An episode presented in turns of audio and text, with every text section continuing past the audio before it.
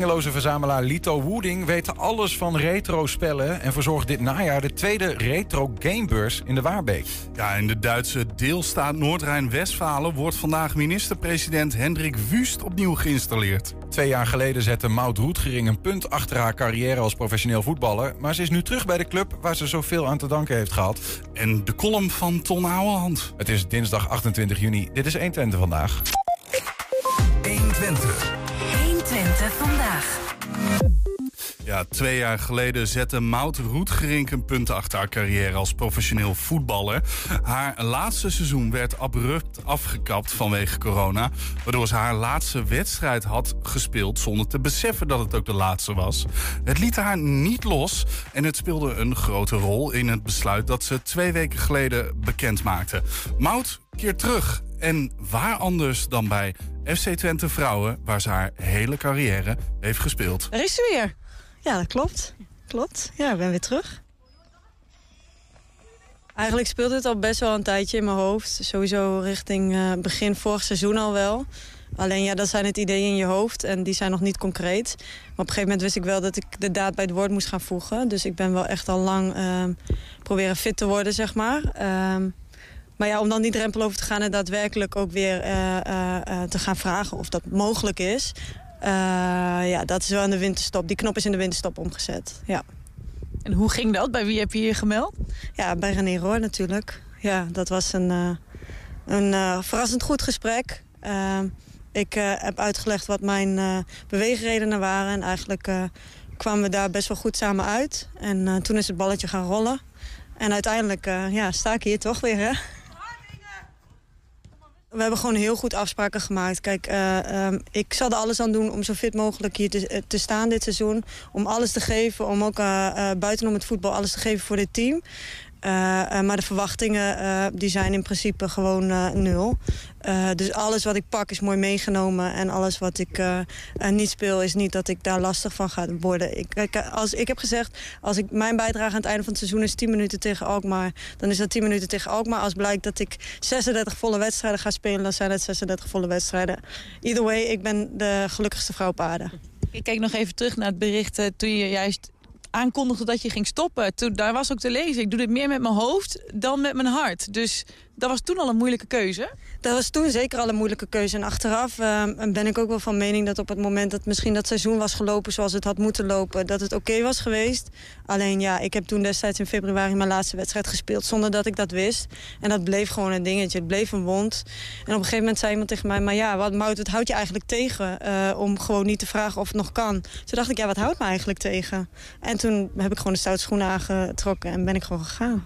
Ja, door, corona werd dat seizoen inderdaad abrupt uh, afgekapt. Dus dat, eigenlijk zat je dan niet lekker. Omdat je het niet echt hebt kunnen afronden. Dat je ook wist van, dit wordt mijn laatste wedstrijd. Of ik ga het nu afsluiten. Nou ja, echt heel cliché. Maar gewoon de laatste keer die aanvoerdersband omdoen. De laatste keer die meiden toespreken. De laatste keer de kleedkamer in. Gewoon het hele bewuste.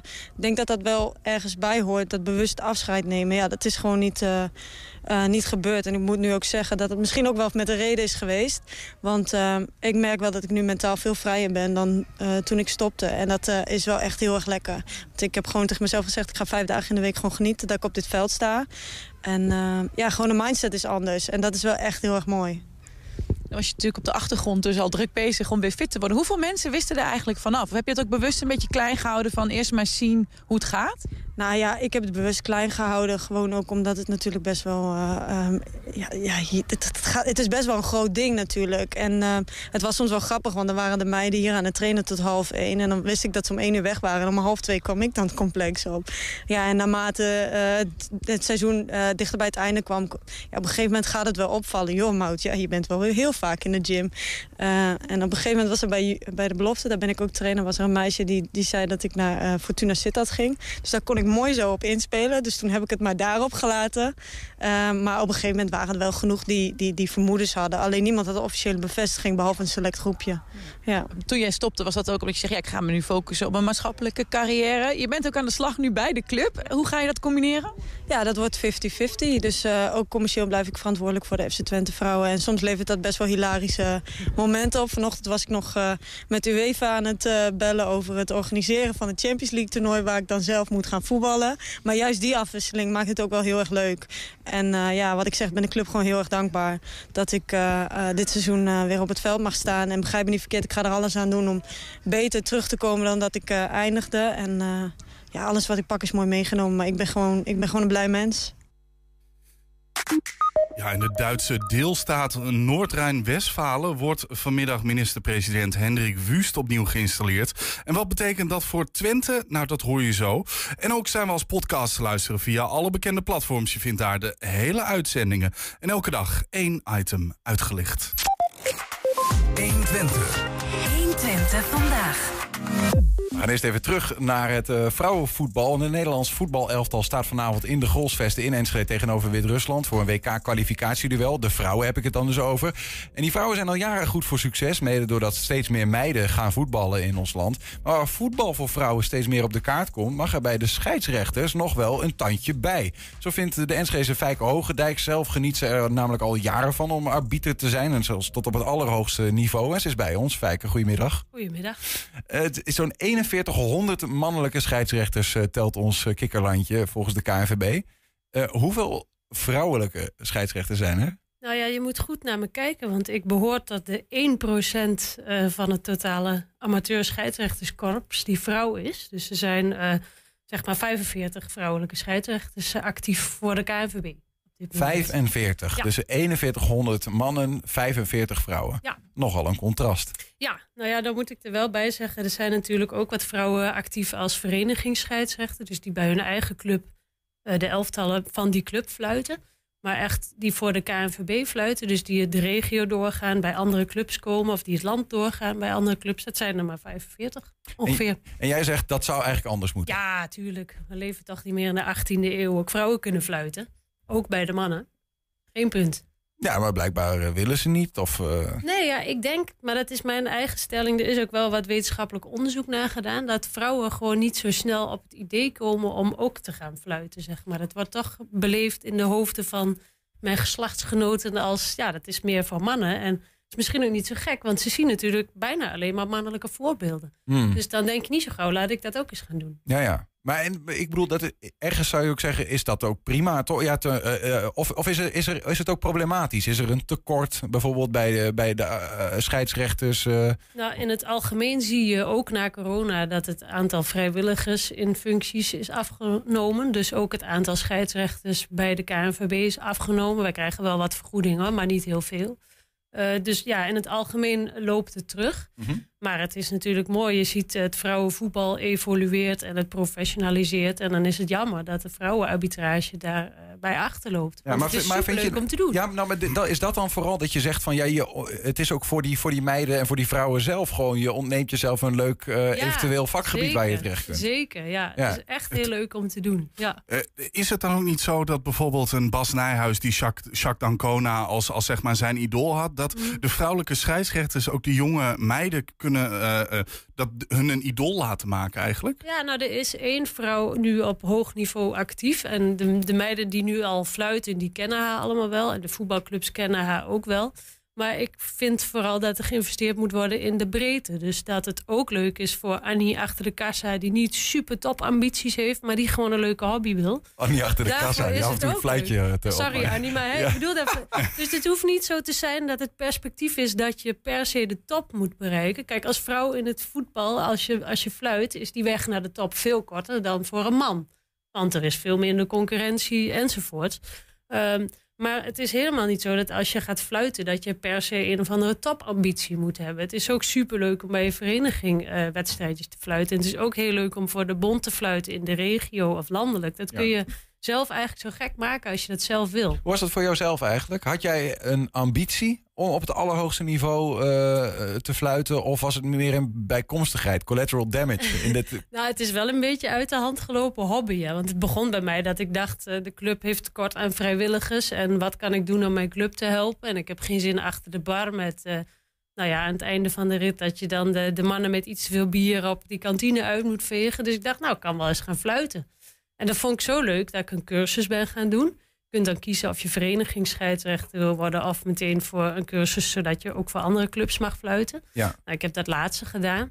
En ja, dan, krijg- dan word je beoordeeld een paar keer per jaar en dan krijg je punten. En er is een ranglijst met scheidsrechters. En hoe beter je het doet, hoe hogere wedstrijden je krijgt. En dat is Mhm. bij mij wel een beetje, ja, Ja. ik had niet van tevoren bedacht van, oh, ik ga in de, in de amateurtop van Nederland fluiten. Nee, maar het is wel zo gekomen. En als je daar eenmaal lucht van krijgt dat dat zou kunnen, dan is dat natuurlijk een leuk streven om naartoe te werken. En dan heb je het over, over de mannen. Want je, Ja. je fluit hoofdklasse bij de mannen. Ja. Maar bij de vrouwen, eh, dit niveau waar we net Maud Roetgerink eh, zien spelen, Ja, toch? Gewoon ja, Die kom eredivisie ik ook niveau. wel tegen op het veld. Ja, Nou ja, eh, precies. En, en, en jij hebt zelfs op internationaal niveau eh gevlacht. ja klopt. klopt. Dus als je dan hebt over die ranglijst. Ja, stel dat er een top, ik weet niet of dat er is, een top 45 vrouwen scheidt. Want er zijn er maar 45, zeg maar, in Nederland. Mhm. Waar waar sta jij dan ergens? Nou, als je kijkt naar de, de, de landelijke top, zeg maar, bij vrouwen, dan zit ik op een gedeelde tweede plaats. Oké. Ja. Dat- Ja, dat is, dat is wel. eh, Ja, maar tegelijkertijd even weer nuanceren. Ik ben niet een opschepper, dus ik vind het al heel opschepperig klinken dat ik dit zeg. Maar om aan te geven, je bent ook een beetje... eh ene oog is ook koning in het land der blinden. Ik bedoel, ik ben 43. Eigenlijk is het niet goed Ja. dat iemand van 43 eh, de tweede positie inneemt qua op welk niveau je fluit. Ja. Er zou eigenlijk veel meer concurrentie moeten zijn... en veel meer jongere meiden met veel meer toekomst voor zich dan ik. mhm. Dus ja, Nou wil ik geen verband leggen. Ik ga het misschien Mhm. toch doen impliciet. Maar je zegt, ik ben, ik ben al iets ouder. Mhm. Ehm, en je fluit dus bij de mannen Ja. eh, bijvoorbeeld ni- niet hoger dan eh, hoofdklasse. nee, nee. Waarom eigenlijk niet? Nou, dat ligt aan mezelf. Want je moet, eh, zeg maar, hoe- hoger je komt, hoe, meer de, hoe hogere normen er ook eh, worden gesteld. Dus ook bijvoorbeeld aan je conditie. En als ik een stap hoger op wil, moet ik ten eerste goed genoeg scoren in mijn beoordelingsrapporten. En de tweede eis waar je aan moet voldoen is een bepaalde conditionele eis.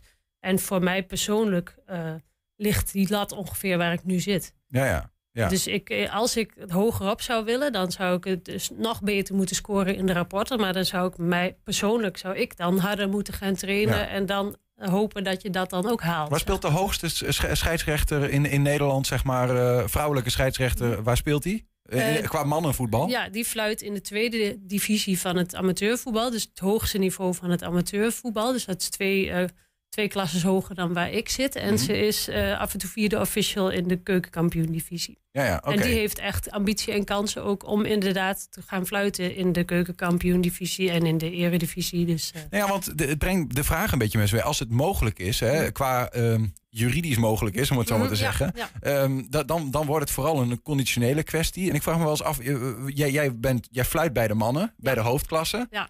Ehm, ja, hoe is dat eigenlijk? Ja, ook leuk.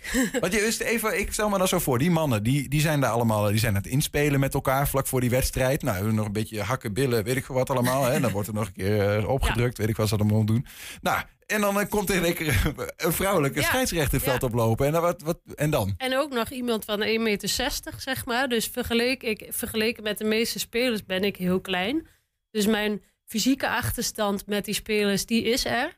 Maar die moet je dan of compenseren door heel hard trainen... dat je toch heel hard kunt lopen. Of door slim je opstellen en dat je iets minder hoeft te lopen. Maar over het algemeen zijn de reacties super positief. Iedereen bij clubs zeggen van nou, eh, wat leuk, een keer wat anders, een vrouw. En eh, je merkt ook mijn interactie als vrouw tussen die mannen is ook anders. Ja, Zeg maar, want je, bijvoorbeeld een soort van gouden stelregel is: je mag niet aan spelers zitten. Want, zeggen ze, dan, als jij een hand op hun schouder legt, heb je het risico dat zij zeggen: blijf van me af. En dat dat zo gaat. Maar als ik als vrouw een arm op een speler leg, ik zoek oogcontact en ik zeg: ja, heb je dat nou nodig, dit?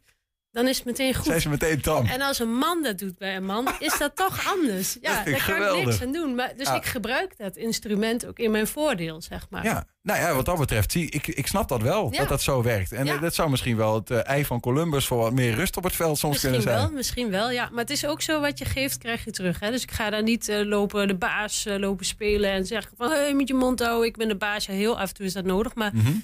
positiviteit Op dit, en op dit, plezier. op dit WK eh, willen ze ook voor het allereerst vrouwelijke Ja. scheidsrechters eh, in gaan zetten. Volgens mij vier, zo vier of Ja, vijf. er is een aantal is geselecteerd, ja. Hoe- Heb, je, heb je het over het vrouwen-WK? Het- nee, nee, nee. Het, ma- over het mannelijke WK in Qatar. Ja. Daar zitten een aantal vrouwelijke scheidsrechters die daaraan mee gaan doen. Denk je dat die exposure van zeg maar, het mannen-WK, wat een van de grootste toernooien ter wereld is. Uh, dat dat nog meer mensen bij jullie Ik de wereld het. inbrengt. Ik hoop het wel, want echt, die vrouwen, het, ik, een oproep aan jullie allemaal. Het is zo leuk om te doen en je past prima ook tussen de mannen. Eh, dus ik hoop dat als ze zien dat daar een vrouwelijke scheidsrechter bij die professionele mannen rondloopt, dat ze denken: hé, hey, wij kunnen dat ook. Ja. En eh, nou, nogmaals, de weg naar de top is voor vrouwen niet heel lang. Dus als je iets wilt, is dat best leuk, eh, goed te doen, zeg maar. Je, je zei net van, ik, ik, ik, eh, eh, nou, misschien gooi zo mijn vrouwelijke charmes, misschien onbewust in de strijd. Als in, ja, weet je wel, iets wat liefelijker aanpak misschien. En dat smel- daar smelten die eh, voetballers door, zo zie ik dat dan voor me.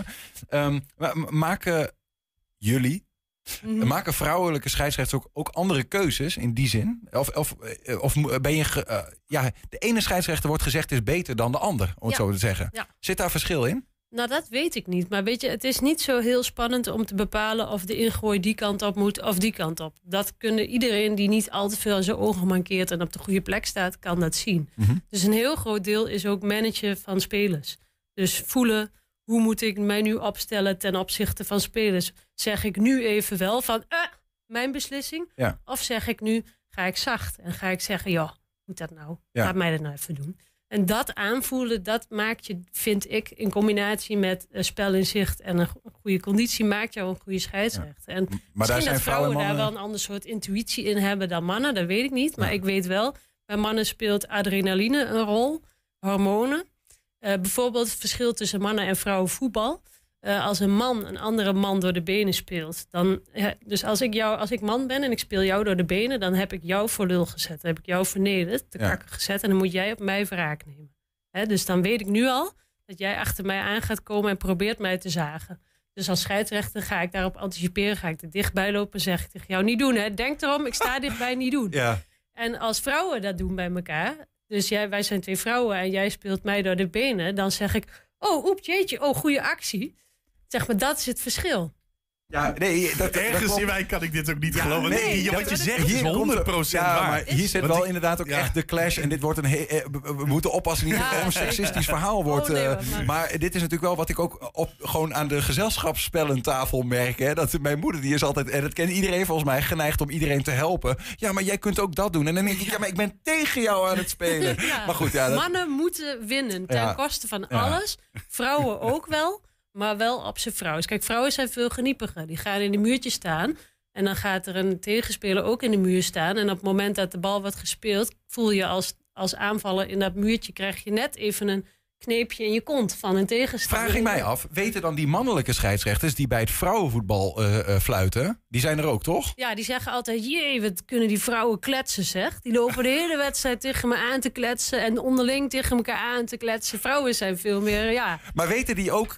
Ik moet even bij dat muurtje op die vinger letten. Ja, die weet ik daar, niet. eh, Weet ik eh, niet precies. Want ja, jij Ja. kent blijkbaar het mannenbrein inmiddels wel een beetje van... nou, ik moet eventjes, als die door de benen is gepaast, opletten. Maar is dat andersom ook zo? Ja, weet ik niet. Kijk, ik Ja. heb zelf ook gevoetbald. Dus ik ken die trucjes. Ja, dus ik neem aan dat mensen die zelf hebben gevoetbald... dat misschien iets beter aanvoelen. Maar ja, Ehm, eh, tot slot, want je zit hier inderdaad om, te, om, om ook vrouwen nou ja, eh, op te roepen van... eh, doe nou mee, het is Ja. hartstikke leuk. Eh, ga inderdaad, als die mannen door de benen zijn gespeeld... ga op het veld staan en vind er wat van. Wijze van, hartstikke leuk. Ehm, eh, maar we hebben het ook al gehad over de rol van bijvoorbeeld de KNVB in deze. Wij vroegen hun onlangs, het ging over vrouwenvoetbal... van nou, in hoeverre jagen jullie dat aan? Toen zeiden zij zelf, wij zijn ook op de achtergrond wel bezig... met die wat meer randzaken, hè, om vrouwen eh, überhaupt meer in het voetbal eh, actief te krijgen. En ook in de arbitrage. Gebeurt dat genoeg? ja, ze hebben een groot project. Het heet Meer Vrouwen in Voetbal. Daar is toevallig aanstaande zaterdag gespeeld... Nederland de uitzwaaiwedstrijd in de Grolsvesten. De Nederlandse vrouwen.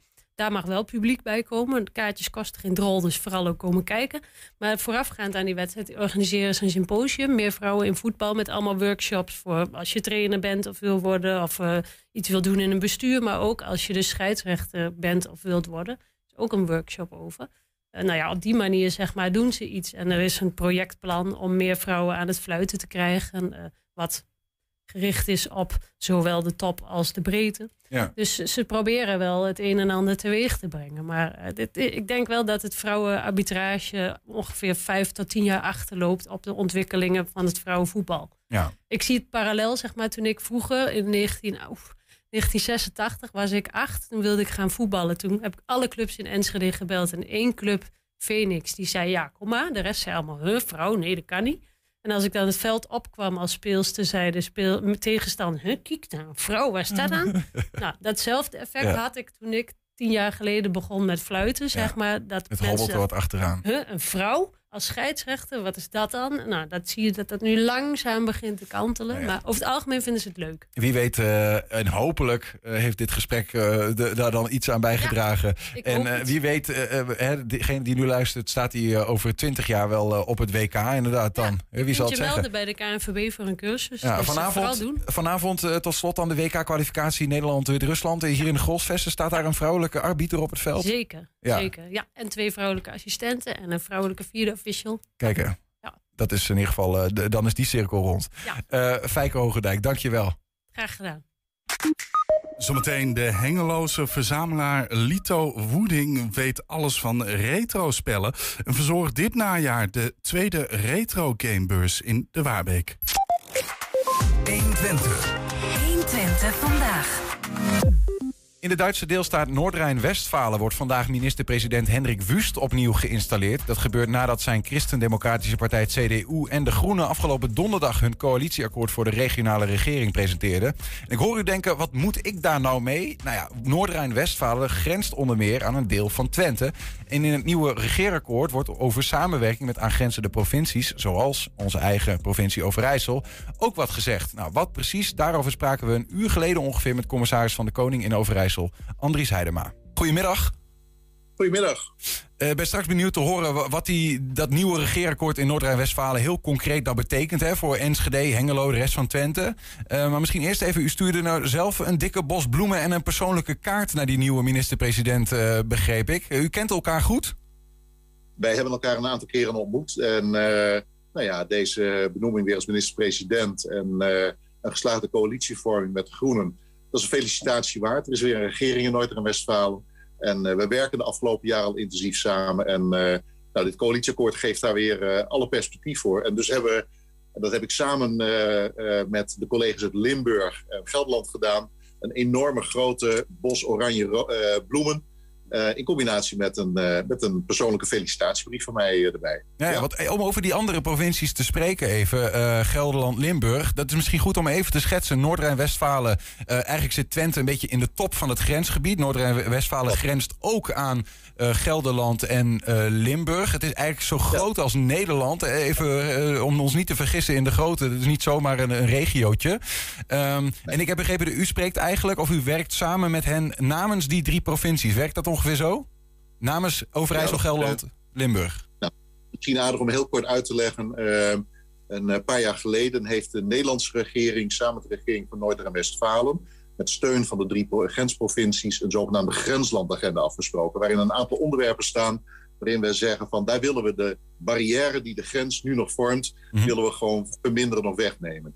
En die samenwerking, eh, wat betreft de provincies, ben ik coördinerend commissaris voor de inbreng vanuit de drie provincies, samen met de minister van Binnenlandse Zaken van Nederland en de Europa-minister eh, eh, en internationaal minister eh, vanuit Noord-Rijn-Westfalen. Ja. Dus met z'n drieën ja, sturen we die samenwerking eigenlijk aan. En wa- wat betekent dat dan heel concreet? Zeg maar? wat, wat doet u dan? eh, nou ja, wat staat er in de agenda bij? Van, eh, vooral gesprekken voeren? Gaat u als die kant? Ja, hoe ziet dat er Nee. eigenlijk uit? Nee, nou, eh, waar het feitelijk over gaat, is dat we hebben geconstateerd dat op een aantal terreinen we nog last van, eh, van, de, van de grenzen hebben. Nou, mag ik een voorbeeld noemen en dat meteen ook verbinden met, eh, met het eh, coalitieakkoord. Eh, als je in Nederland een opleiding voor verpleegkundige hebt gedaan, of voor onderwijzer of wat dan ook, dan, en je woont in de grens en je kunt een ontzettend leuke baan krijgen in een ziekenhuis of een school in Noord-Rijn-Westfalen, Mhm. aan de andere kant van de grens, dan is het op dit moment nog zo. Ja, jammer, maar helaas, maar u heeft een Nederlands diploma. En omgekeerd geldt het voor de Duitse professionals ook zo. We, eh, in het nieuwe coalitieakkoord staat, en daar zijn we de afgelopen paar jaar al druk mee bezig ook geweest, dat we de erkenning van elkaars diploma's over de grens heen, dat we dat gewoon willen regelen. Zodat je gewoon aan de slag kunt in Duitsland met je Nederlands diploma of omgekeerd. Mhm. Dan heb je geen last meer van die barrière van, eh, van, eh, van de grens. Eh, dat is een van de onderwerpen die dus in die, in die agenda staat. En die nou ja, met deze coalitie weer een stapje dichterbij is gekomen. Erkenning van elkaars diploma's. Ja. Eh, Nou, een voorbeeld dus. Ja, nee, dat is heel concreet. En we hebben ook zelf nog eventjes uh, een blik geworpen op dat uh, coalitieakkoord. Uh, we, we, misten ook een beetje van iets concreets rondom de, de treinverbinding Zwolle-Enschede-Münster. Dat is natuurlijk ook een ding wat een beetje nou ja, rondzweeft. we vroegen ons af, hoe, hoe staat het daar eigenlijk mee?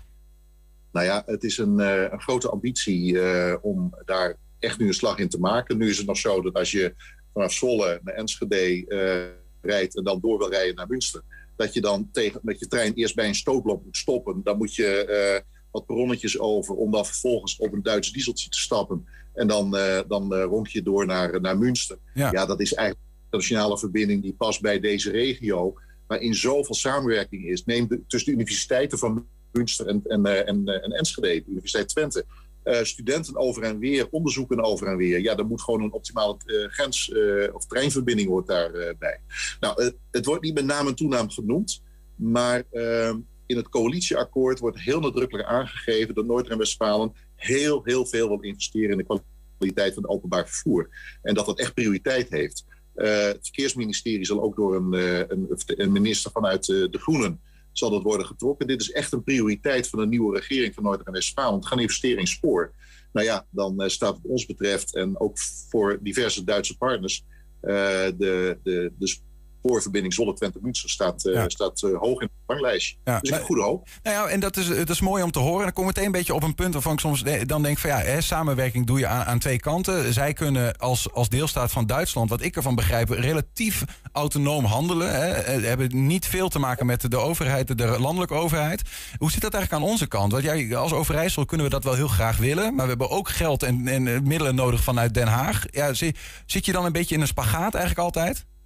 Nee, dus we hebben uh, beide landen hebben nodig, Noord-Rijn-Westfalen, uh, als, uh, zowel als de Nederlandse regering.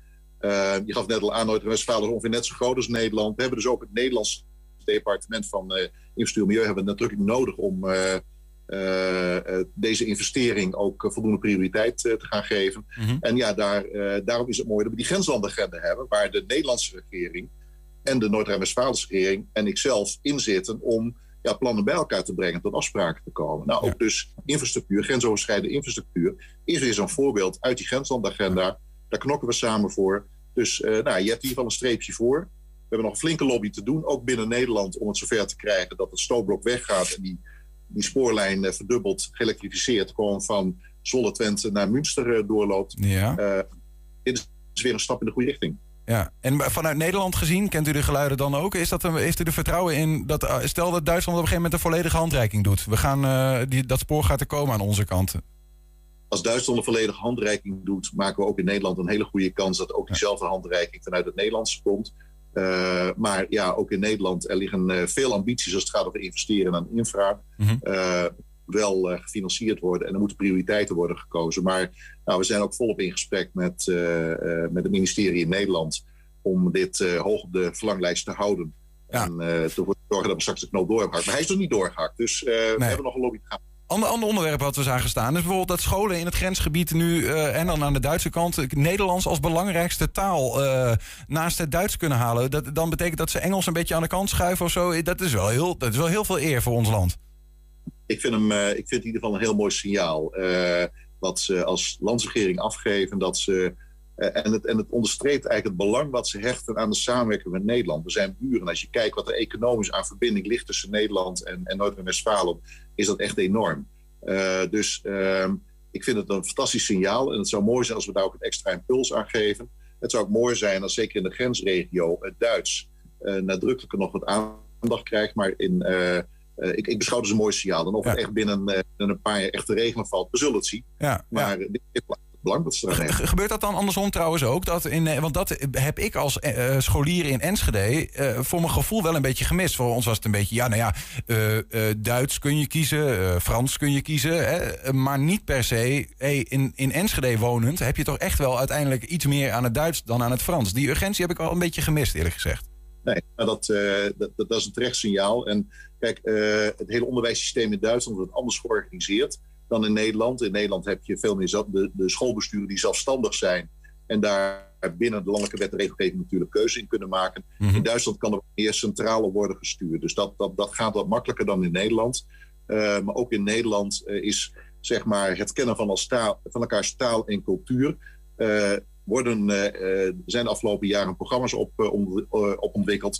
En, maar we zijn afhankelijk van de ja, bereidheid van de scholen in Nederland om daar, daar aan mee te werken. Dus nou ja, hier is ook nog werk, werk te doen, absoluut. Zijn er nog dingen die we nu niet hebben genoemd? Gewoon heel concreet die in dat akkoord staan waarvan u zei van nou, mooi dat dat er nu in staat? Nou ja, bijvoorbeeld uh, wat, ik een, uh, wat ik een hele mooie vind is dat ook op het terrein van uh, klimaat en energie er nadrukkelijk een belangrijke prioriteit wordt gegeven. Ook als het gaat over de grensoverschrijdende energieinfrastructuur. Denk bijvoorbeeld aan waterstof, waar zowel in Nederland als in Duitsland grootse plannen zijn. Het wordt natuurlijk veel krachtiger als Noord- en Westfalen en de Nederlandse infrastructuur en ook de kennis en know-how op dat gebied, als dat wordt gebundeld. En er zijn al mooie voorbeelden. Ik noem er één batterijtechnologie, waar de Universiteit Twente en de Universiteit van Münster echt voor honderden miljoenen aan onderzoeksprogramma's hebben lopen en in samenwerking met bedrijfsleven ook innovaties aan het aanjagen zijn. Ja, dat is, eh, dat is fantastisch. En zet Oost-Nederland eh, samen met, uh, met Münsterregio echt op de, op de agenda als het gaat over deze ja, voor ons ontzettend belangrijke ontwikkeling. we nemen ook voor de rampenbestrijding. denk aan ja, grote calamiteiten die er, die er zijn, waarbij we in de toekomst nog makkelijker met politie, met, met, met bijvoorbeeld de, de ambulances grensoverschrijdend elkaar kunnen helpen. Maar ook als het gaat echt over een hele grote calamiteit, grote bosbranden, ja. dat we elkaar nog, nog beter weten te vinden. Nou ja, dus daarover, daarover gesproken, misschien dan. Oh, ik heb begrepen dat als je in uh, Duitsland als Nederlander, zeg maar, een, een, nou ja, als je gewond raakt, dat een Nederlandse ambulance je kan komen ophalen. Uh, maar dat het andersom, dat die Duitse ambulance niet in Nederland komt. Gaat het zo specifiek dat soort in zo'n zo'n akkoord of dat niet? Nee, nou kijk, wat, wat, uh, dat, dat staat nu niet in het regeerakkoord zo. Maar uh, er wordt wel nadrukkelijk aangegeven dat grensoverschrijdende rampenbestrijding, dat die samenwerking en, en afstemming, met name bij grote rampen, dat we dat echt gewoon verder willen, willen verbeteren. Denk bijvoorbeeld ook aan nou, de enorme ramp die in, uh, in 2021 er was, de zomer, die hoogwaterramp. Ja. Die enorme overstromingen in Noord-Westfalen, in Limburg. Uh, ja, dan is het echt alle hens aan dek. En dan moet je niet last hebben van de grens. Als het gaat over ambulances of andere noodhulpverlening. Dan moet je gewoon geen last hebben van die grenzen samenwerken. dat vraagt best wel wat te organiseren op het terrein van verantwoordelijkheden, bevoegdheden. Maar ook op het terrein van communicatie. Ja. Dezelfde systemen hebben, dat je elkaar kunt, snel kunt vinden. Daar wordt al hard aan gewerkt en dat wordt nog een extra impuls gegeven. Ja, ja, ja, buren, buren moet je helpen. Nee, ik snap het. Ja, nou goed, ik, ik herinner me volgens mij, maar toen was ik een jaar of tien, dat toen die ramp hier in Enschede was, dat er volgens mij toch ook wel echt uh, Duitse uh, hulpdiensten er al waren. Dus ergens gebeurt dat al wel, maar het kan beter blijkbaar. Juist, juist. Ja. Dat is precies het punt. Um, ja, is, is, staat er ook iets eigenlijk misschien dan toch nog even niet, iets niet in wat u liever wel had gezien? Uh, of is dat een te politieke vraag? Nee, nee, dat is helemaal geen politieke vraag. Uh, echt oprecht, ik ben hartstikke blij met het coalitieakkoord. En we zijn in Nederland blij met dit coalitieakkoord. Omdat het echt die gerichtheid van Noord- en Westfalen op Nederland laat zien. Waarbij ook de samenwerking in het kader van die grenslandagenda echt wordt genoemd. Hier willen we mee doorgaan, dat willen we verder versterken. Mm -hmm. Ja, dat laat zien dat het commitment is uh, over en weer uh, op die samenwerking. Waarbij we ja, eigenlijk die grens gewoon echt compleet willen, willen wegpoetsen. We zijn buren. En dan moeten we geen last hebben van de grens. Dus uh, nou, dat commitment is er. En uh, wat mij betreft gaan we daar de komende jaren samen weer de schouders onder zetten. Tot slot dan, heeft u uh, vandaag al een reactie gekregen op, het, op de bosbloemen en de kaart die gestuurd is naar de nieuwbakken minister-president nee. van Noord-Rijn-Westfalen? Nee, nog niet. Dat zal wel erg snel zijn. maar ik sluit niet uit dat ik op korte termijn nog een, een hele warme brief terugkrijg. En we zullen elkaar binnenkort ook ongetwijfeld uh, de hand drukken. Dus we komen nog wel even terug op Bosbloemen. Kijk, uh, dank in ieder geval voor uh, de update wat betreft die samenwerking tussen de grens, nou ja, deelstaat, provincies, zoals ze hier dan heten, Nederland, Duitsland. Andries Heidema, commissaris van de Koning van Overijssel. Dank u wel. Graag gedaan. Tot ziens. Tot ziens. Zometeen de column van Ton Ouwehand. 120. 120 vandaag. Nou, we gaan eerst iets heel leuks doen. Ja, je hebt hier zin al. in, hè, Ja, ja, ja. ja, ja. ja. Want- want- de tafel zet vol met dingen, jongen. Dat is echt... eh, ja, ik weet niet. Het is, dat, daar is gaat toch wel je hart sneller van kloppen... als je uit de jaren negentig eh, komt. En daarvoor ook wel. Want eigenlijk zijn ze nooit echt weg geweest. Maar ze zijn nu in ieder geval eh, helemaal terug hier. De klassieke computerspelletjes zoals Pac-Man, Super Mario en Space Invaders. De Hengeloze verzamelaar Lito Wooding die weet alles van die spellen. En hij verzorgt dit najaar zelfs samen met zijn compagnon Saad Melouk... de tweede retro gamebeurs Yes. in eh, de Waarbeek. Ja, klopt, Welkom. Klopt. Dankjewel, dankjewel. Lito, Eh, leuk dat je er bent met al die spullen. Eh, ja, joh. Mijn hele jeugd komt hier voorbij. Dit is echt, echt, echt gaaf. Ja, we hebben gedacht, die, die beurs die is pas in oktober. Ja. Eh, maar we moeten er nu al alles van weten. Tuurlijk. Tuurlijk. wat, wat, heb je, wat heb je meegenomen allemaal? Misschien ja, in de hoek hebben we een camera. Misschien kun je iets omhoog houden. Even gewoon even Yes. om te delen in deze joy. ja. is die daar. Nou, eh, die welkamer. Ja, daar- je mag die, dan mag je even wat omhoog houden. Dan kunnen we er even naar kijken. Ja, als En mocht je dan ja, in de auto zitten, mag je het ook even uitleggen. Ja, precies, precies. Als eerste is een eh, trip to memory lane. Hè, dit is de, natuurlijk de, de NES action set. Ik denk dat heel veel eh, mensen die nog van vroeger kenden. Deze is een, van net voor mijn tijd, Ja, eh, denk ja. ik. Want ik, ja, Nou. ik had een Super Nintendo. eh, Ja. Nintendo 64 ken ik nog. Maar deze is... Ja, ik ben, van, ik ben 1990 geboren. Ik weet niet wanneer deze ongeveer uh, hoogtij vierde. Maar Ja, Dit, dit, dit was zeg maar de NES. En daar daar heb ik in later zelfs nog eh, de, de eenden opgejaagd met, met dat wapen. juist. De, juist. de Duck Hunt. ja, ja. Iedereen, iedereen kent eh, de beruchte gun nog wel. Hè? Dus eh, deze in, eh, in, in combinatie met eh, Mario Bros. en Duck Hunt was natuurlijk eh, het gouden tijdperk. Hè? Maar is deze van voor of na Nintendo 64 en Deze Super is Nintendo? eh, ver voor, die tijd. voor, ja, 80 precies. Ja, werd toch? deze Ja, gereleased, ja, ja, ja. ja. Dus dit is wel een leuk item uit mijn, uit mijn collectie. Geweldig. Ik heb nog wat meer dingen uit, Ja, mijn laat zien. privécollectie Laat zien. meegenomen. Nou, natuurlijk de NES zelf. Tegenwoordig Ah, is eh, zie je ze echt ontzettend vergeeld. Bij deze valt het aardig wel mee. En na al die jaren werkt hij nog steeds. Dus eh, ja, die dingen zijn niet kapot te krijgen. Het is net zoals die, je eh, daar zelf dan ook nog wel eens een keertje op? ja, Want- zeker. Kijk, eh, wat heel tof is, ik, ja, ik verzamel zelf al eh 15 tot 20 jaar. En ik heb nu ook twee kleine kinderen, eentje van vier en eentje van zeven. En ja, het is natuurlijk voor mij een doel om dingen uit mijn leven vanuit vroeger aan hun mee te kunnen geven. Dus eh, ja, die zijn ook helemaal hoekt aan die oude Mario's en zo. Dat vinden ze helemaal geweldig. Ja, dat, Dus, eh, ik, ik, dat zal Nintendo van balen, denk ik. Want die denken, ja, potverdikke, we zitten gewoon hele nieuwe dingen te maken hier. En eh, blijf maar op die oude meuk spelen. ja, nee, maar we hebben, ook de, we hebben ook de Switch ook nog. Dus we zijn ook nog wel met de tijd Die komt jou denk ik wel wat bekender voor, of niet, Niels? Nee, de- dit is de dit Nintendo 2DS. Ja, dit is een Nintendo 2DS. Dit is toch wel ook wel een van mijn pareltjes uit mijn collectie. Dat is een limited edition eh, handheld. En daar is de oude Pokémon Blue, zoals die je vroeger kende op de Game Boy Classic, die zwart-witte, is opnieuw uitgebracht op dat ding, zeg maar. Eh, dan als downloadcode en eh, om dat oude gevoel weer terug te krijgen. Dus eh, ja, is echt heel tof. Maar wacht even, dit is een nieuw apparaat Ja, eh, met oude Vrij- games. ja, een vrij nieuw apparaat eh, met, een, eh, met de oude Pokémon die je erop kan Maar spelen. wa- want ik, ik begrijp, eh, ik denk dat als mensen hier naar luisteren of kijken, die zeg maar, die, die denken van ja, joh, ik ben van voor die tijd of ik heb niet zoveel met games. Dat, Ja. dat stelt daaraan toe. Maar ik kan me helemaal voorstellen als mensen denken, wacht even, nou zijn we in een tijd met flatscreens van drie meter groot en eh, weet ik veel wat allemaal, hoge resoluties. Ja. En dan gaan ze dit soort oude shit weer terug op de Ja, markt brengen. ja, wat mankeert jullie allemaal? Ja, nee, maar sterker nog, eh, eh, retro is momenteel hot. Momenteel. Sterker nog, eh, zolang als ik dit doe, ehm, is het echt op zijn top momenteel. J- jullie hebben vast wel meegekregen dat er niet zo heel lang geleden een eh, Mario 64 game eh, in Seal verkocht is voor eh, volgens mij iets om nabij eh 60, 70.000 euro.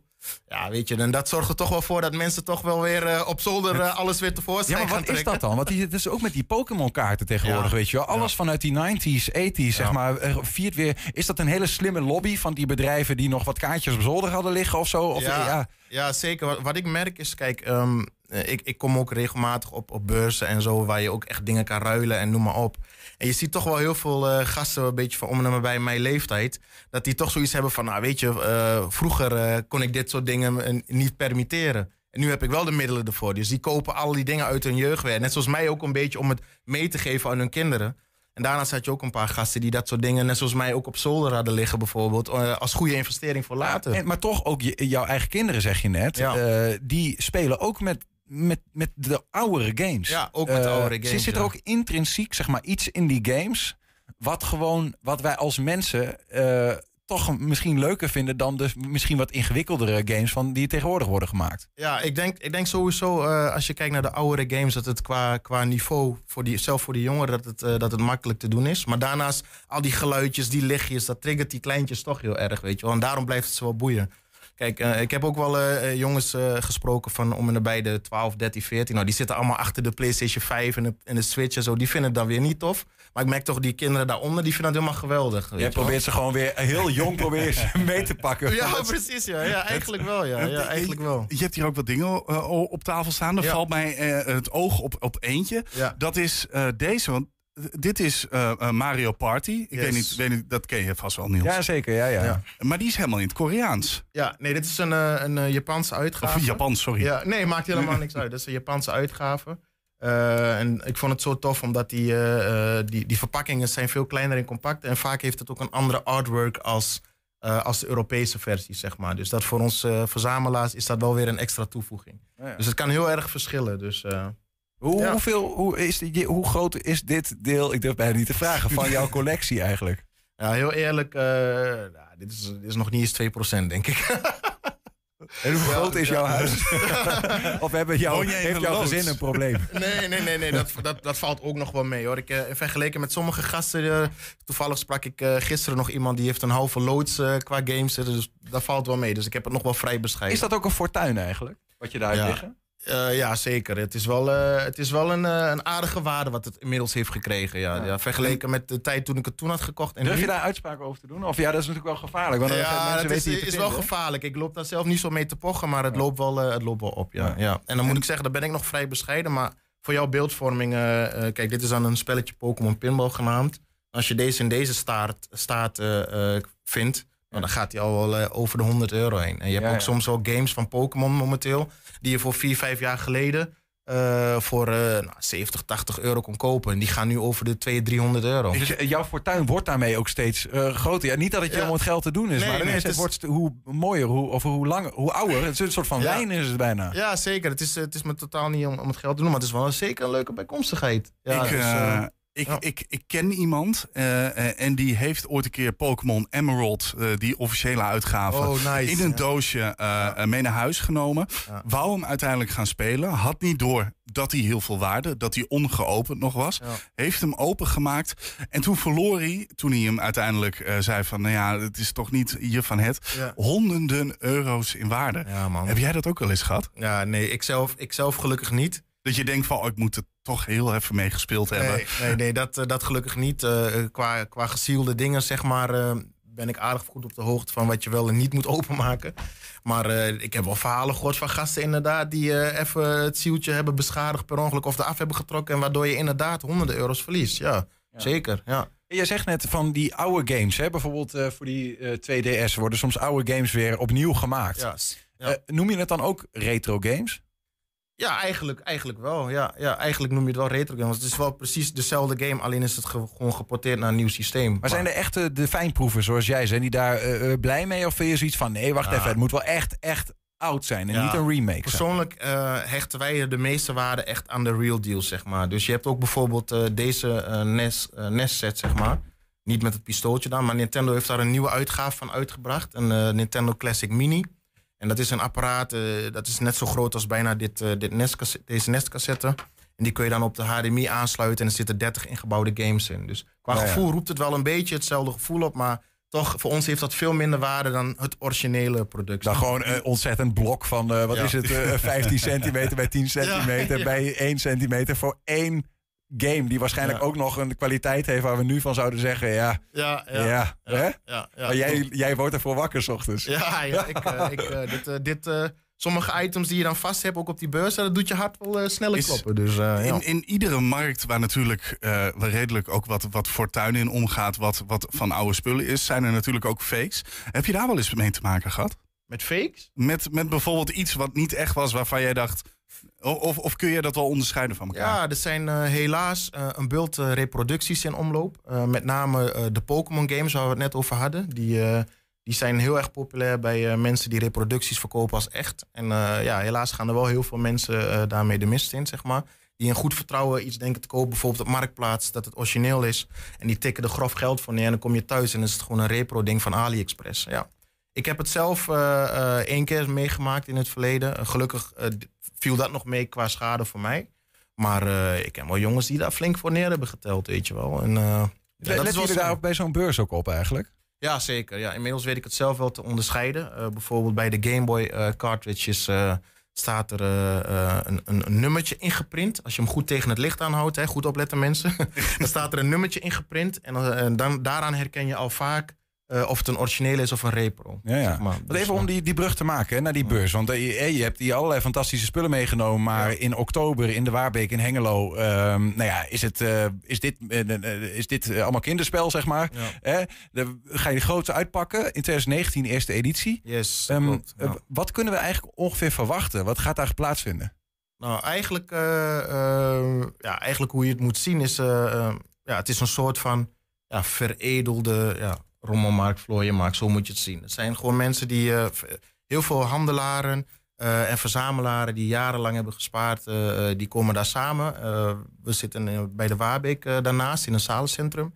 En dan heb je echt honderden meters met, met kramen. En daar staat allemaal dit soort spullen allemaal uitgestald. Dus kopen, verkopen. Ja, kopen, verkopen, ruilen. Maar het is niet alleen games. Het zijn ook consoles dus. En, maar ook merchandise. Heel veel mensen die uh, Pikachu, Pikachu's t-shirts. T-shirtjes uh, of, of uh, Funko poppetjes verkopen. Of ook echt gasten met collectible Pokémon kaarten van vroeger. Die ze allemaal van die mapjes en van die sleeves hebben zitten. Die ze daar komen ruilen en verkopen. Dus, Funko poppetjes, even voor de mensen die er helemaal niet zo in zitten. Wat zijn ja. dat? Ja, dat zijn van die, van die kleine ja, action figures, zeg maar, van verschillende series en tekenfilms, maar ook gamepersonages. Die, die vind je tegenwoordig ook bij de kruidvat en bij noem maar op. Dus ja. die kun je overal vinden.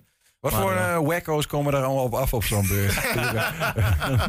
nou, zo, zo, zo, wil ik ze niet noemen, wacko's. Maar ja, het, het, zijn wel mensen die echt, uh, ja, laat ik zo zeggen, een uitgesproken kledingstijl en zo erop nahouden. Uh, bijvoorbeeld voor ons in onze editie in 2019 hadden we gehoopt op 200 tot 300 bezoekers. Uiteindelijk kwamen er 600, 700. dus dat was echt een grote opkomst. En dan wat, wat je ook zag is dat er ook... Het is niet minder geworden, hè, die gekte? Nee, nee, nee, zeker niet. Heb je wel genoeg ruimte? Ja, we hebben wel genoeg ruimte, oh. gelukkig. Ja. Maar zo, jullie kennen vast wel Comic Con. Mm, dan heb je van die mensen die helemaal in cosplay verkleed komen, zeg maar. Als een personage van uh, bijvoorbeeld in een, in een Mario pak of een Zelda pak. Nou, ja. dat soort gasten komen er ook uh, uh, langs. Jij Vrouwen, zelf? mannen. Nee, ik ben zelf geen cosplayer. Nee, ik vind het wel heel tof om te zien, maar dat is mij net ja. iets te enthousiast. Maar ik vind het wel heel tof om te zien hoor. Sommigen die, nemen, die staan echt uren voor de spiegel om zich helemaal te stijlen en te dressen. En uh, ja, dat is wel heel gaaf. En wat is zeg maar, uh, als ik bij jullie naar de beurs ga, de, het, het ding om daar te zien?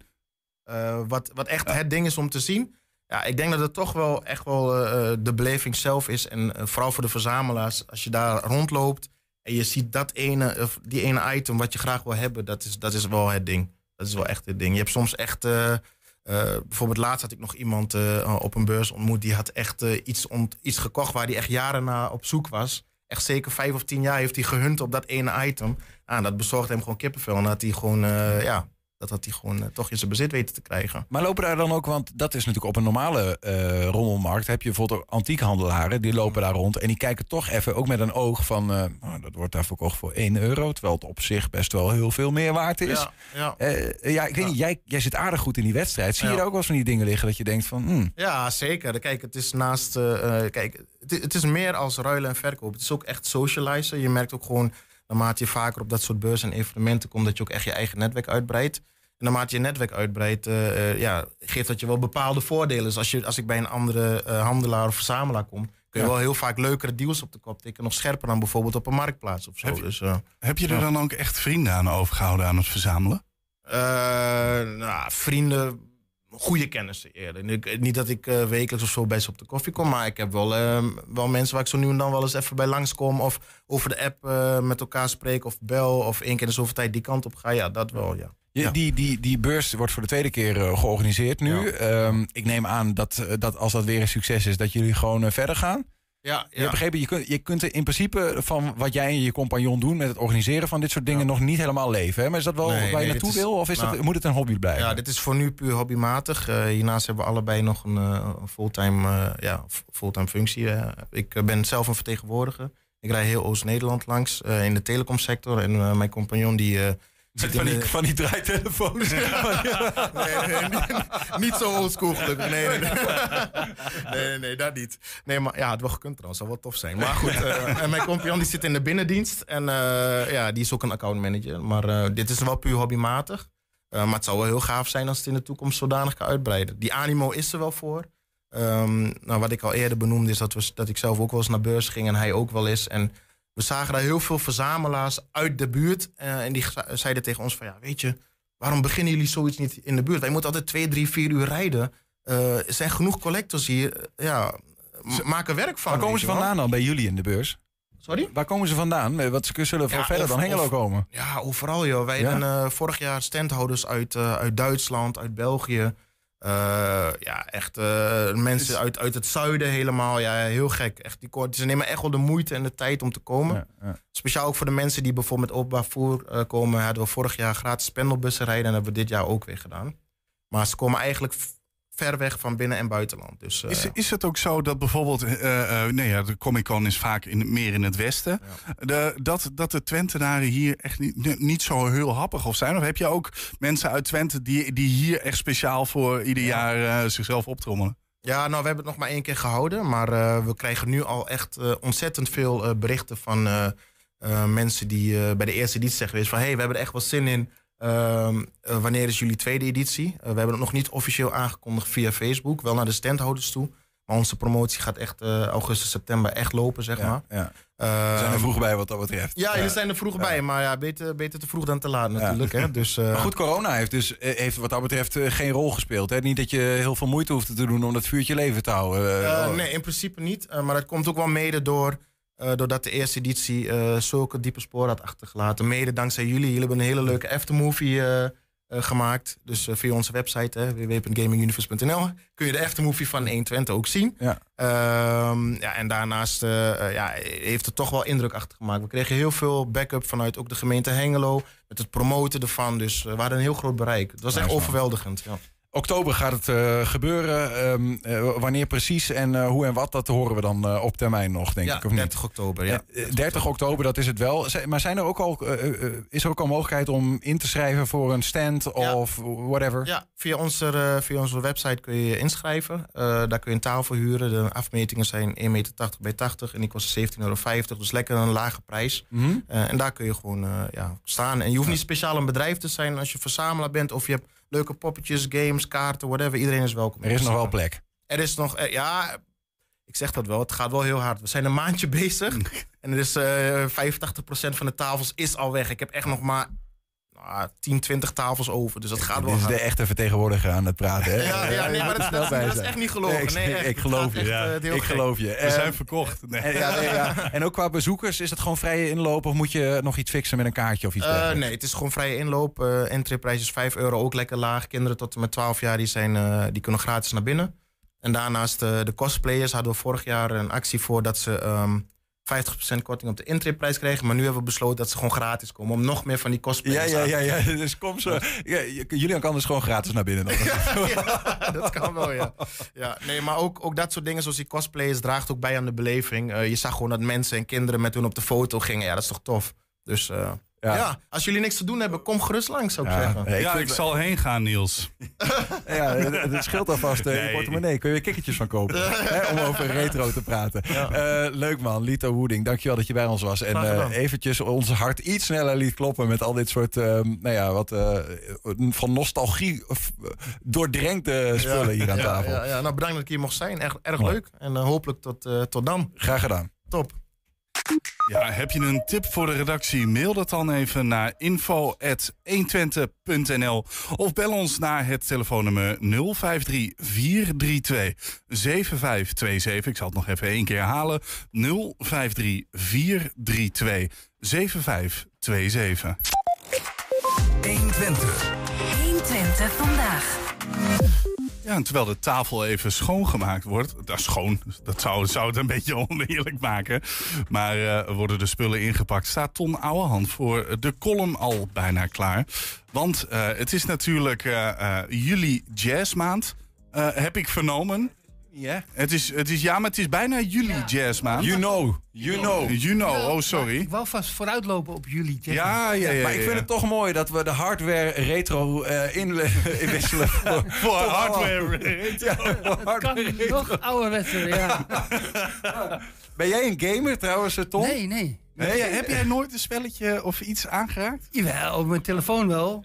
Ja, dus de Candy Crush. Oh nee, wacht. Nee. Gewoon, Wordfeud. Ja, dat-. Ik, zie nog wel eens een, eh, eh, een eh, discutabel woord er dan voorbij komen Ja, die ja. niet in, de, in, de, in een woordfeut eh, eh, Nee, lijst dus- staat. En dan ja, verbolgen. ik wel op, ja, ja. Kwaad zelfs. Ja, Chat doet hij niet, hè? Chat Nou, doet hij niet. Wat mijn moeder dus doet met Wordfeud trouwens, dat hoorde ik dus laatst. En ze was zich van geen kwaad bewust. Maar die doet dus Wordfeud in, op de telefoon. En dan heeft ze dus daarnaast heeft ze gewoon een computer. En dan zoekt ze gewoon op van, eh, ik heb die letters. Wat voor woorden kan ik daarmee maken? Ah, dat- Dus ik zeg, dat is toch geen, dat is, dat is toch niet hoe het werkt? Dat, dan speelt het computerspelletje. Nee, wat heb je nog steeds heel veel mogelijkheden. Maar, eh, nou, wat vinden wij daar nou van? Ik vind dat je haar die telefoon af moet pakken. Ja. Ga maar weer faxen of zo, weet ik. Maar goed, ik wil het onderwerp niet afleiden van, eh, van de column van Tom. Eh, dus we gaan onze oren spitsen voor eh, de column van de dag. Nou, dus vooruitlopend op juli, jazzmaand, het waar gebeurde verhaal over me en my Sony Walkman. Getiteld Chad Baker in Enschede. Als Sony in 1979 met de stereo Walkman komt aanzetten, veroorzaakt dat een positieve opschudding in muzikantenland. Wat een handig ding.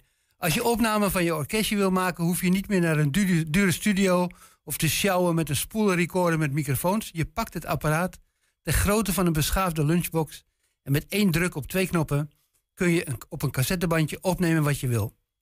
En gek om daar in deze tijd op terug te kijken, want met je veel kleinere mobieltje maak je tegenwoordig veel betere opnamen. Maar goed, ik had ook zo'n ding. En ik had niet de aanvechting om mezelf op te nemen. Ik schreef recensies voor Tubantia en daar gebruikte ik het voor. Als ik een concert bijwoonde, dan nam ik het op. Om tijdens het uittypen van mijn verslag nog in de sfeer te blijven. Opnames zonder bijbedoeling. Het ging altijd goed, tot ik in 1987 in een tent op de Oude Markt bij het eerste Enschedese Jazzfestival zat. Op het podium Art Blakey en de Jazz Messengers. Of jazzmannekes, zoals Willy van Diepen altijd zei. Een van die jazzmannekes was tenorsaxofonist Javon Jackson. Nu zouden we zeggen een getinte Amerikaan uit een tot slaaf gemaakte familie. Toen was het nog gewoon een grote neger. Eentje met kwade bijbedoelingen. Want toen hij mij tijdens een pianosolo, of of toen hij tijdens een pianosolo keek wat voor soort mensen er zoal in de zaal zaten, spotte hij me met mijn opnameapparaatje. Hij keek me dreigend aan terwijl hij zijn hand horizontaal langs zijn keel haalde. Ik snapte wel wat hij bedoelde. Hij moest mijn Walkman en ik moest dood. Vanwege plichtsbesef bleef ik tot en met de toegift tussen het publiek, want lezers van Tubantia mochten niet onder mijn lafheid lijden. Maar tijdens het slotapplaus was ik snel verdwenen en Jackson heeft ook niet gewacht of er misschien nog een tweede toegift gegeven moest worden. Hij zat achter me aan door de Stadsgravenstraat en de Noordragen. We renden langs de plek waar zo'n 35 jaar later een mooi monument voor Harry Banning en Willem Wilming zou verrijzen. Trouwens, die twee leefden toen nog gewoon. Het feit dat ik toen ook door kon gaan met leven, dank ik aan het feit dat ik de stad beter kende dan een doorsnee roetveeg saxofonist uit Amerika. Bij het optreden van de legendarische trompetist Chet Baker in de Twentse Schouwburg was zo'n opname maken probleemloos. Alleen maakte ik me aanvankelijk vooral zorgen of het zin had mijn Walkman uit mijn tas te halen, want Chet was er die avond helemaal niet. In de Schouwburg werden de omroepberichten waarmee het publiek gerustgesteld moest worden steeds onheilspellender. Eerst werd meegedeeld dat het concert later zou beginnen. Daarna werden de bezoekers, werd aan de bezoekers een kopje koffie aangeboden. Om 22 uur volgde een ultimatum. Iedereen zou zijn geld terugkrijgen als Chet niet om 22.30 uur binnen was. Vijf minuten voor het verstrijken van de deadline strompelde de trompetist binnen. Een verzameling botten in een te dun vel. Een soort vieze man van Kees van Koten, maar dan smerig zonder tussenkomst van grimeur Arjen van der Grijn. Het concert begon met een paar knorrige stoten op de trompet, waarna de muzikanten doorspeelden en Chet het podium weer verliet. Hij bleef heel lang weg en maakte uiteindelijk de ballet zacht zingend af. Later bleek dat hij in plaats van de vloeistof waarmee hij de ventielen van zijn lang niet gebruikte trompet weer aan de praat had moeten krijgen, had verwisseld met de lijm waarmee hij zijn kunstgebied vastplakte. Het concert duurde lang. Het is voorzichtigheid troef. Drie muzikanten die bang lijken om Chet, die rustig op een stoel voor op het podium zit, aan het schrikken te maken. Chet krijgt langzaam zijn emb- embouchure terug. Af en toe lijkt het ergens op. Maar als ik mijn Walkman in mijn tas stop omdat het bandje van 90 minuten vol is, worden in de zaal al weddenschappen afgesloten. Welke muzikant zal het eerst op het podium in slaap sukkelen? Of valt de broze Chet misschien zelf om? In de tor heerst op dat moment een hele andere energie. Daar had programmeur Peter Huids heel listig een bandje neergezet rond de Belgische Jacques Pelser. Die man was zeer geliefd bij jazzmuzikanten. Niet per se omdat hij aardig saxofoon kon spelen. Hij was vermaard om zijn beroep, apotheker. Daar wilde elke jazzmuzikant wel mee bevriend zijn. Dat soort mensen hadden kasten vol verboden middelen. Pelser was bovendien een van Bekers logeeradressen. En daar had Chet er wel een paar van nodig. Zijn eigen woning in Europa stond op vier wielen en heette Alfa Romeo. Pelser was om 23 uur begonnen. Het concert in de Schouwburg zou wel round midnight klaar zijn, was het idee. Dan kon Chet een kwartier na middernacht de tor binnenlopen om eventueel aan te schuiven bij de apotheker en zijn mannen. Maar om twee uur s'nachts was er nog steeds geen Chet te bekennen. En om drie uur ook niet. Om tien voor half vier s'nachts komt Chet de tor binnen. De muzikanten spelen inmiddels op hun tandvlees. Maar Chet pakt zijn trompet, zet hem aan zijn lippen en blaast de sterren van de hemel. Van uitputting bij de andere muzikanten is ineens geen sprake meer. Van slap gedrag bij Chet ook niet. Hij hoeft geen stoel, hij staat met losse handen. De muzikanten tillen elkaar op en ontstaat 20 minuten topjazz. Die ik uiteraard vastleg op mijn Sony Walkman, die ik op de bar heb neergezet. Ik spoel over de eerdere opname van die avond heen. Wat een optreden. Iedereen die na afloop s'nachts het pand verlaat, oogt alsof hij alvast een kijkje heeft kunnen nemen in het hiernamaals. Dat cassettebandje van 20 minuten chat in de tor vermenigvuldig ik voor de drie muzikanten van dienst. De Nederlanders, pianist Robert-Jan Vermeulen, bassist Chits Vogel en drummer Arnoud Gerritsen. Onder het motto, jullie zijn onderdeel van de jazzgeschiedenis en dit is het bewijs, stuur ik ze op. Op vrijdag 13 mei 1988 zou Chet weer in de tor spelen. Ik zocht hem de avond ervoor al op in de boerenhoofdstede te. Althans, dat was de bedoeling. Daar zou hij samen met de Amerikaanse saxofonist Archie Chap optreden in Session om het 15-jarig bestaan van het radioprogramma te vieren. Maar Chet kwam niet opdagen. Jammer, maar dan was er altijd nog de dag erop. Gewapend met Walkman naar de tor. Wie weet kon die eerste tape geëvenaard. Maar bij de ingang deelt Peter Huis de bezoekers mee dat het concert niet doorgaat omdat Chet zoek is. Later blijkt dat hij na een val uit een hotelraam de vorige avond al was overleden. En dan is het 2002. Ik neem nooit meer concerten op. Dozen vol bandjes heb ik weggegooid. En dan krijg ik ineens een mailtje van het Chet Baker Genootschap. Ze hadden ergens opgevangen dat Chet op 3 oktober 1986 opname had gemaakt in Enschede. Of ik daar wat van weet. Het bandje dat ik ondanks het ontbreken van afspeelmogelijkheden nooit had weggedaan, stuur ik naar ze op. Niet veel later krijg ik de vers- gedigitaliseerde versie terug in de vorm van twee cd'tjes. Het deel van Chat in de Tor is inmiddels te vinden op de site van de Tor. En daar hoort het ook. Ja, een mooi verhaal. De column van Ton Ouwehand. Ton, bedankt. En tot zover ook 120 vandaag. Terugkijken, dat kan direct via 120.nl en vanavond om 8 en 10 op televisie te zien. Zometeen kun je gaan genieten van het tweede deel van de kettingreactie. Wij zeggen veel plezier en tot morgen. 120. Weet wat er speelt in Twente. Met nu het nieuws van 5 uur. Goedemiddag, ik ben Robert-Jan Knook. Het toestel dat is neergestort in het Zwarte Meer bij Kampen... ligt op een lastige plek om te bergen, dat zegt de brandweer bij de regionale omroep. Een boot met een kraan erop gaat er naartoe om het vliegtuigje naar boven te halen... maar hoe lang dat gaat duren is niet duidelijk. Bij de crash kwamen de twee inzittenden om het leven. Twee mannen die zijn opgepakt voor de gewapende overval vanmorgen op kunstbeurs...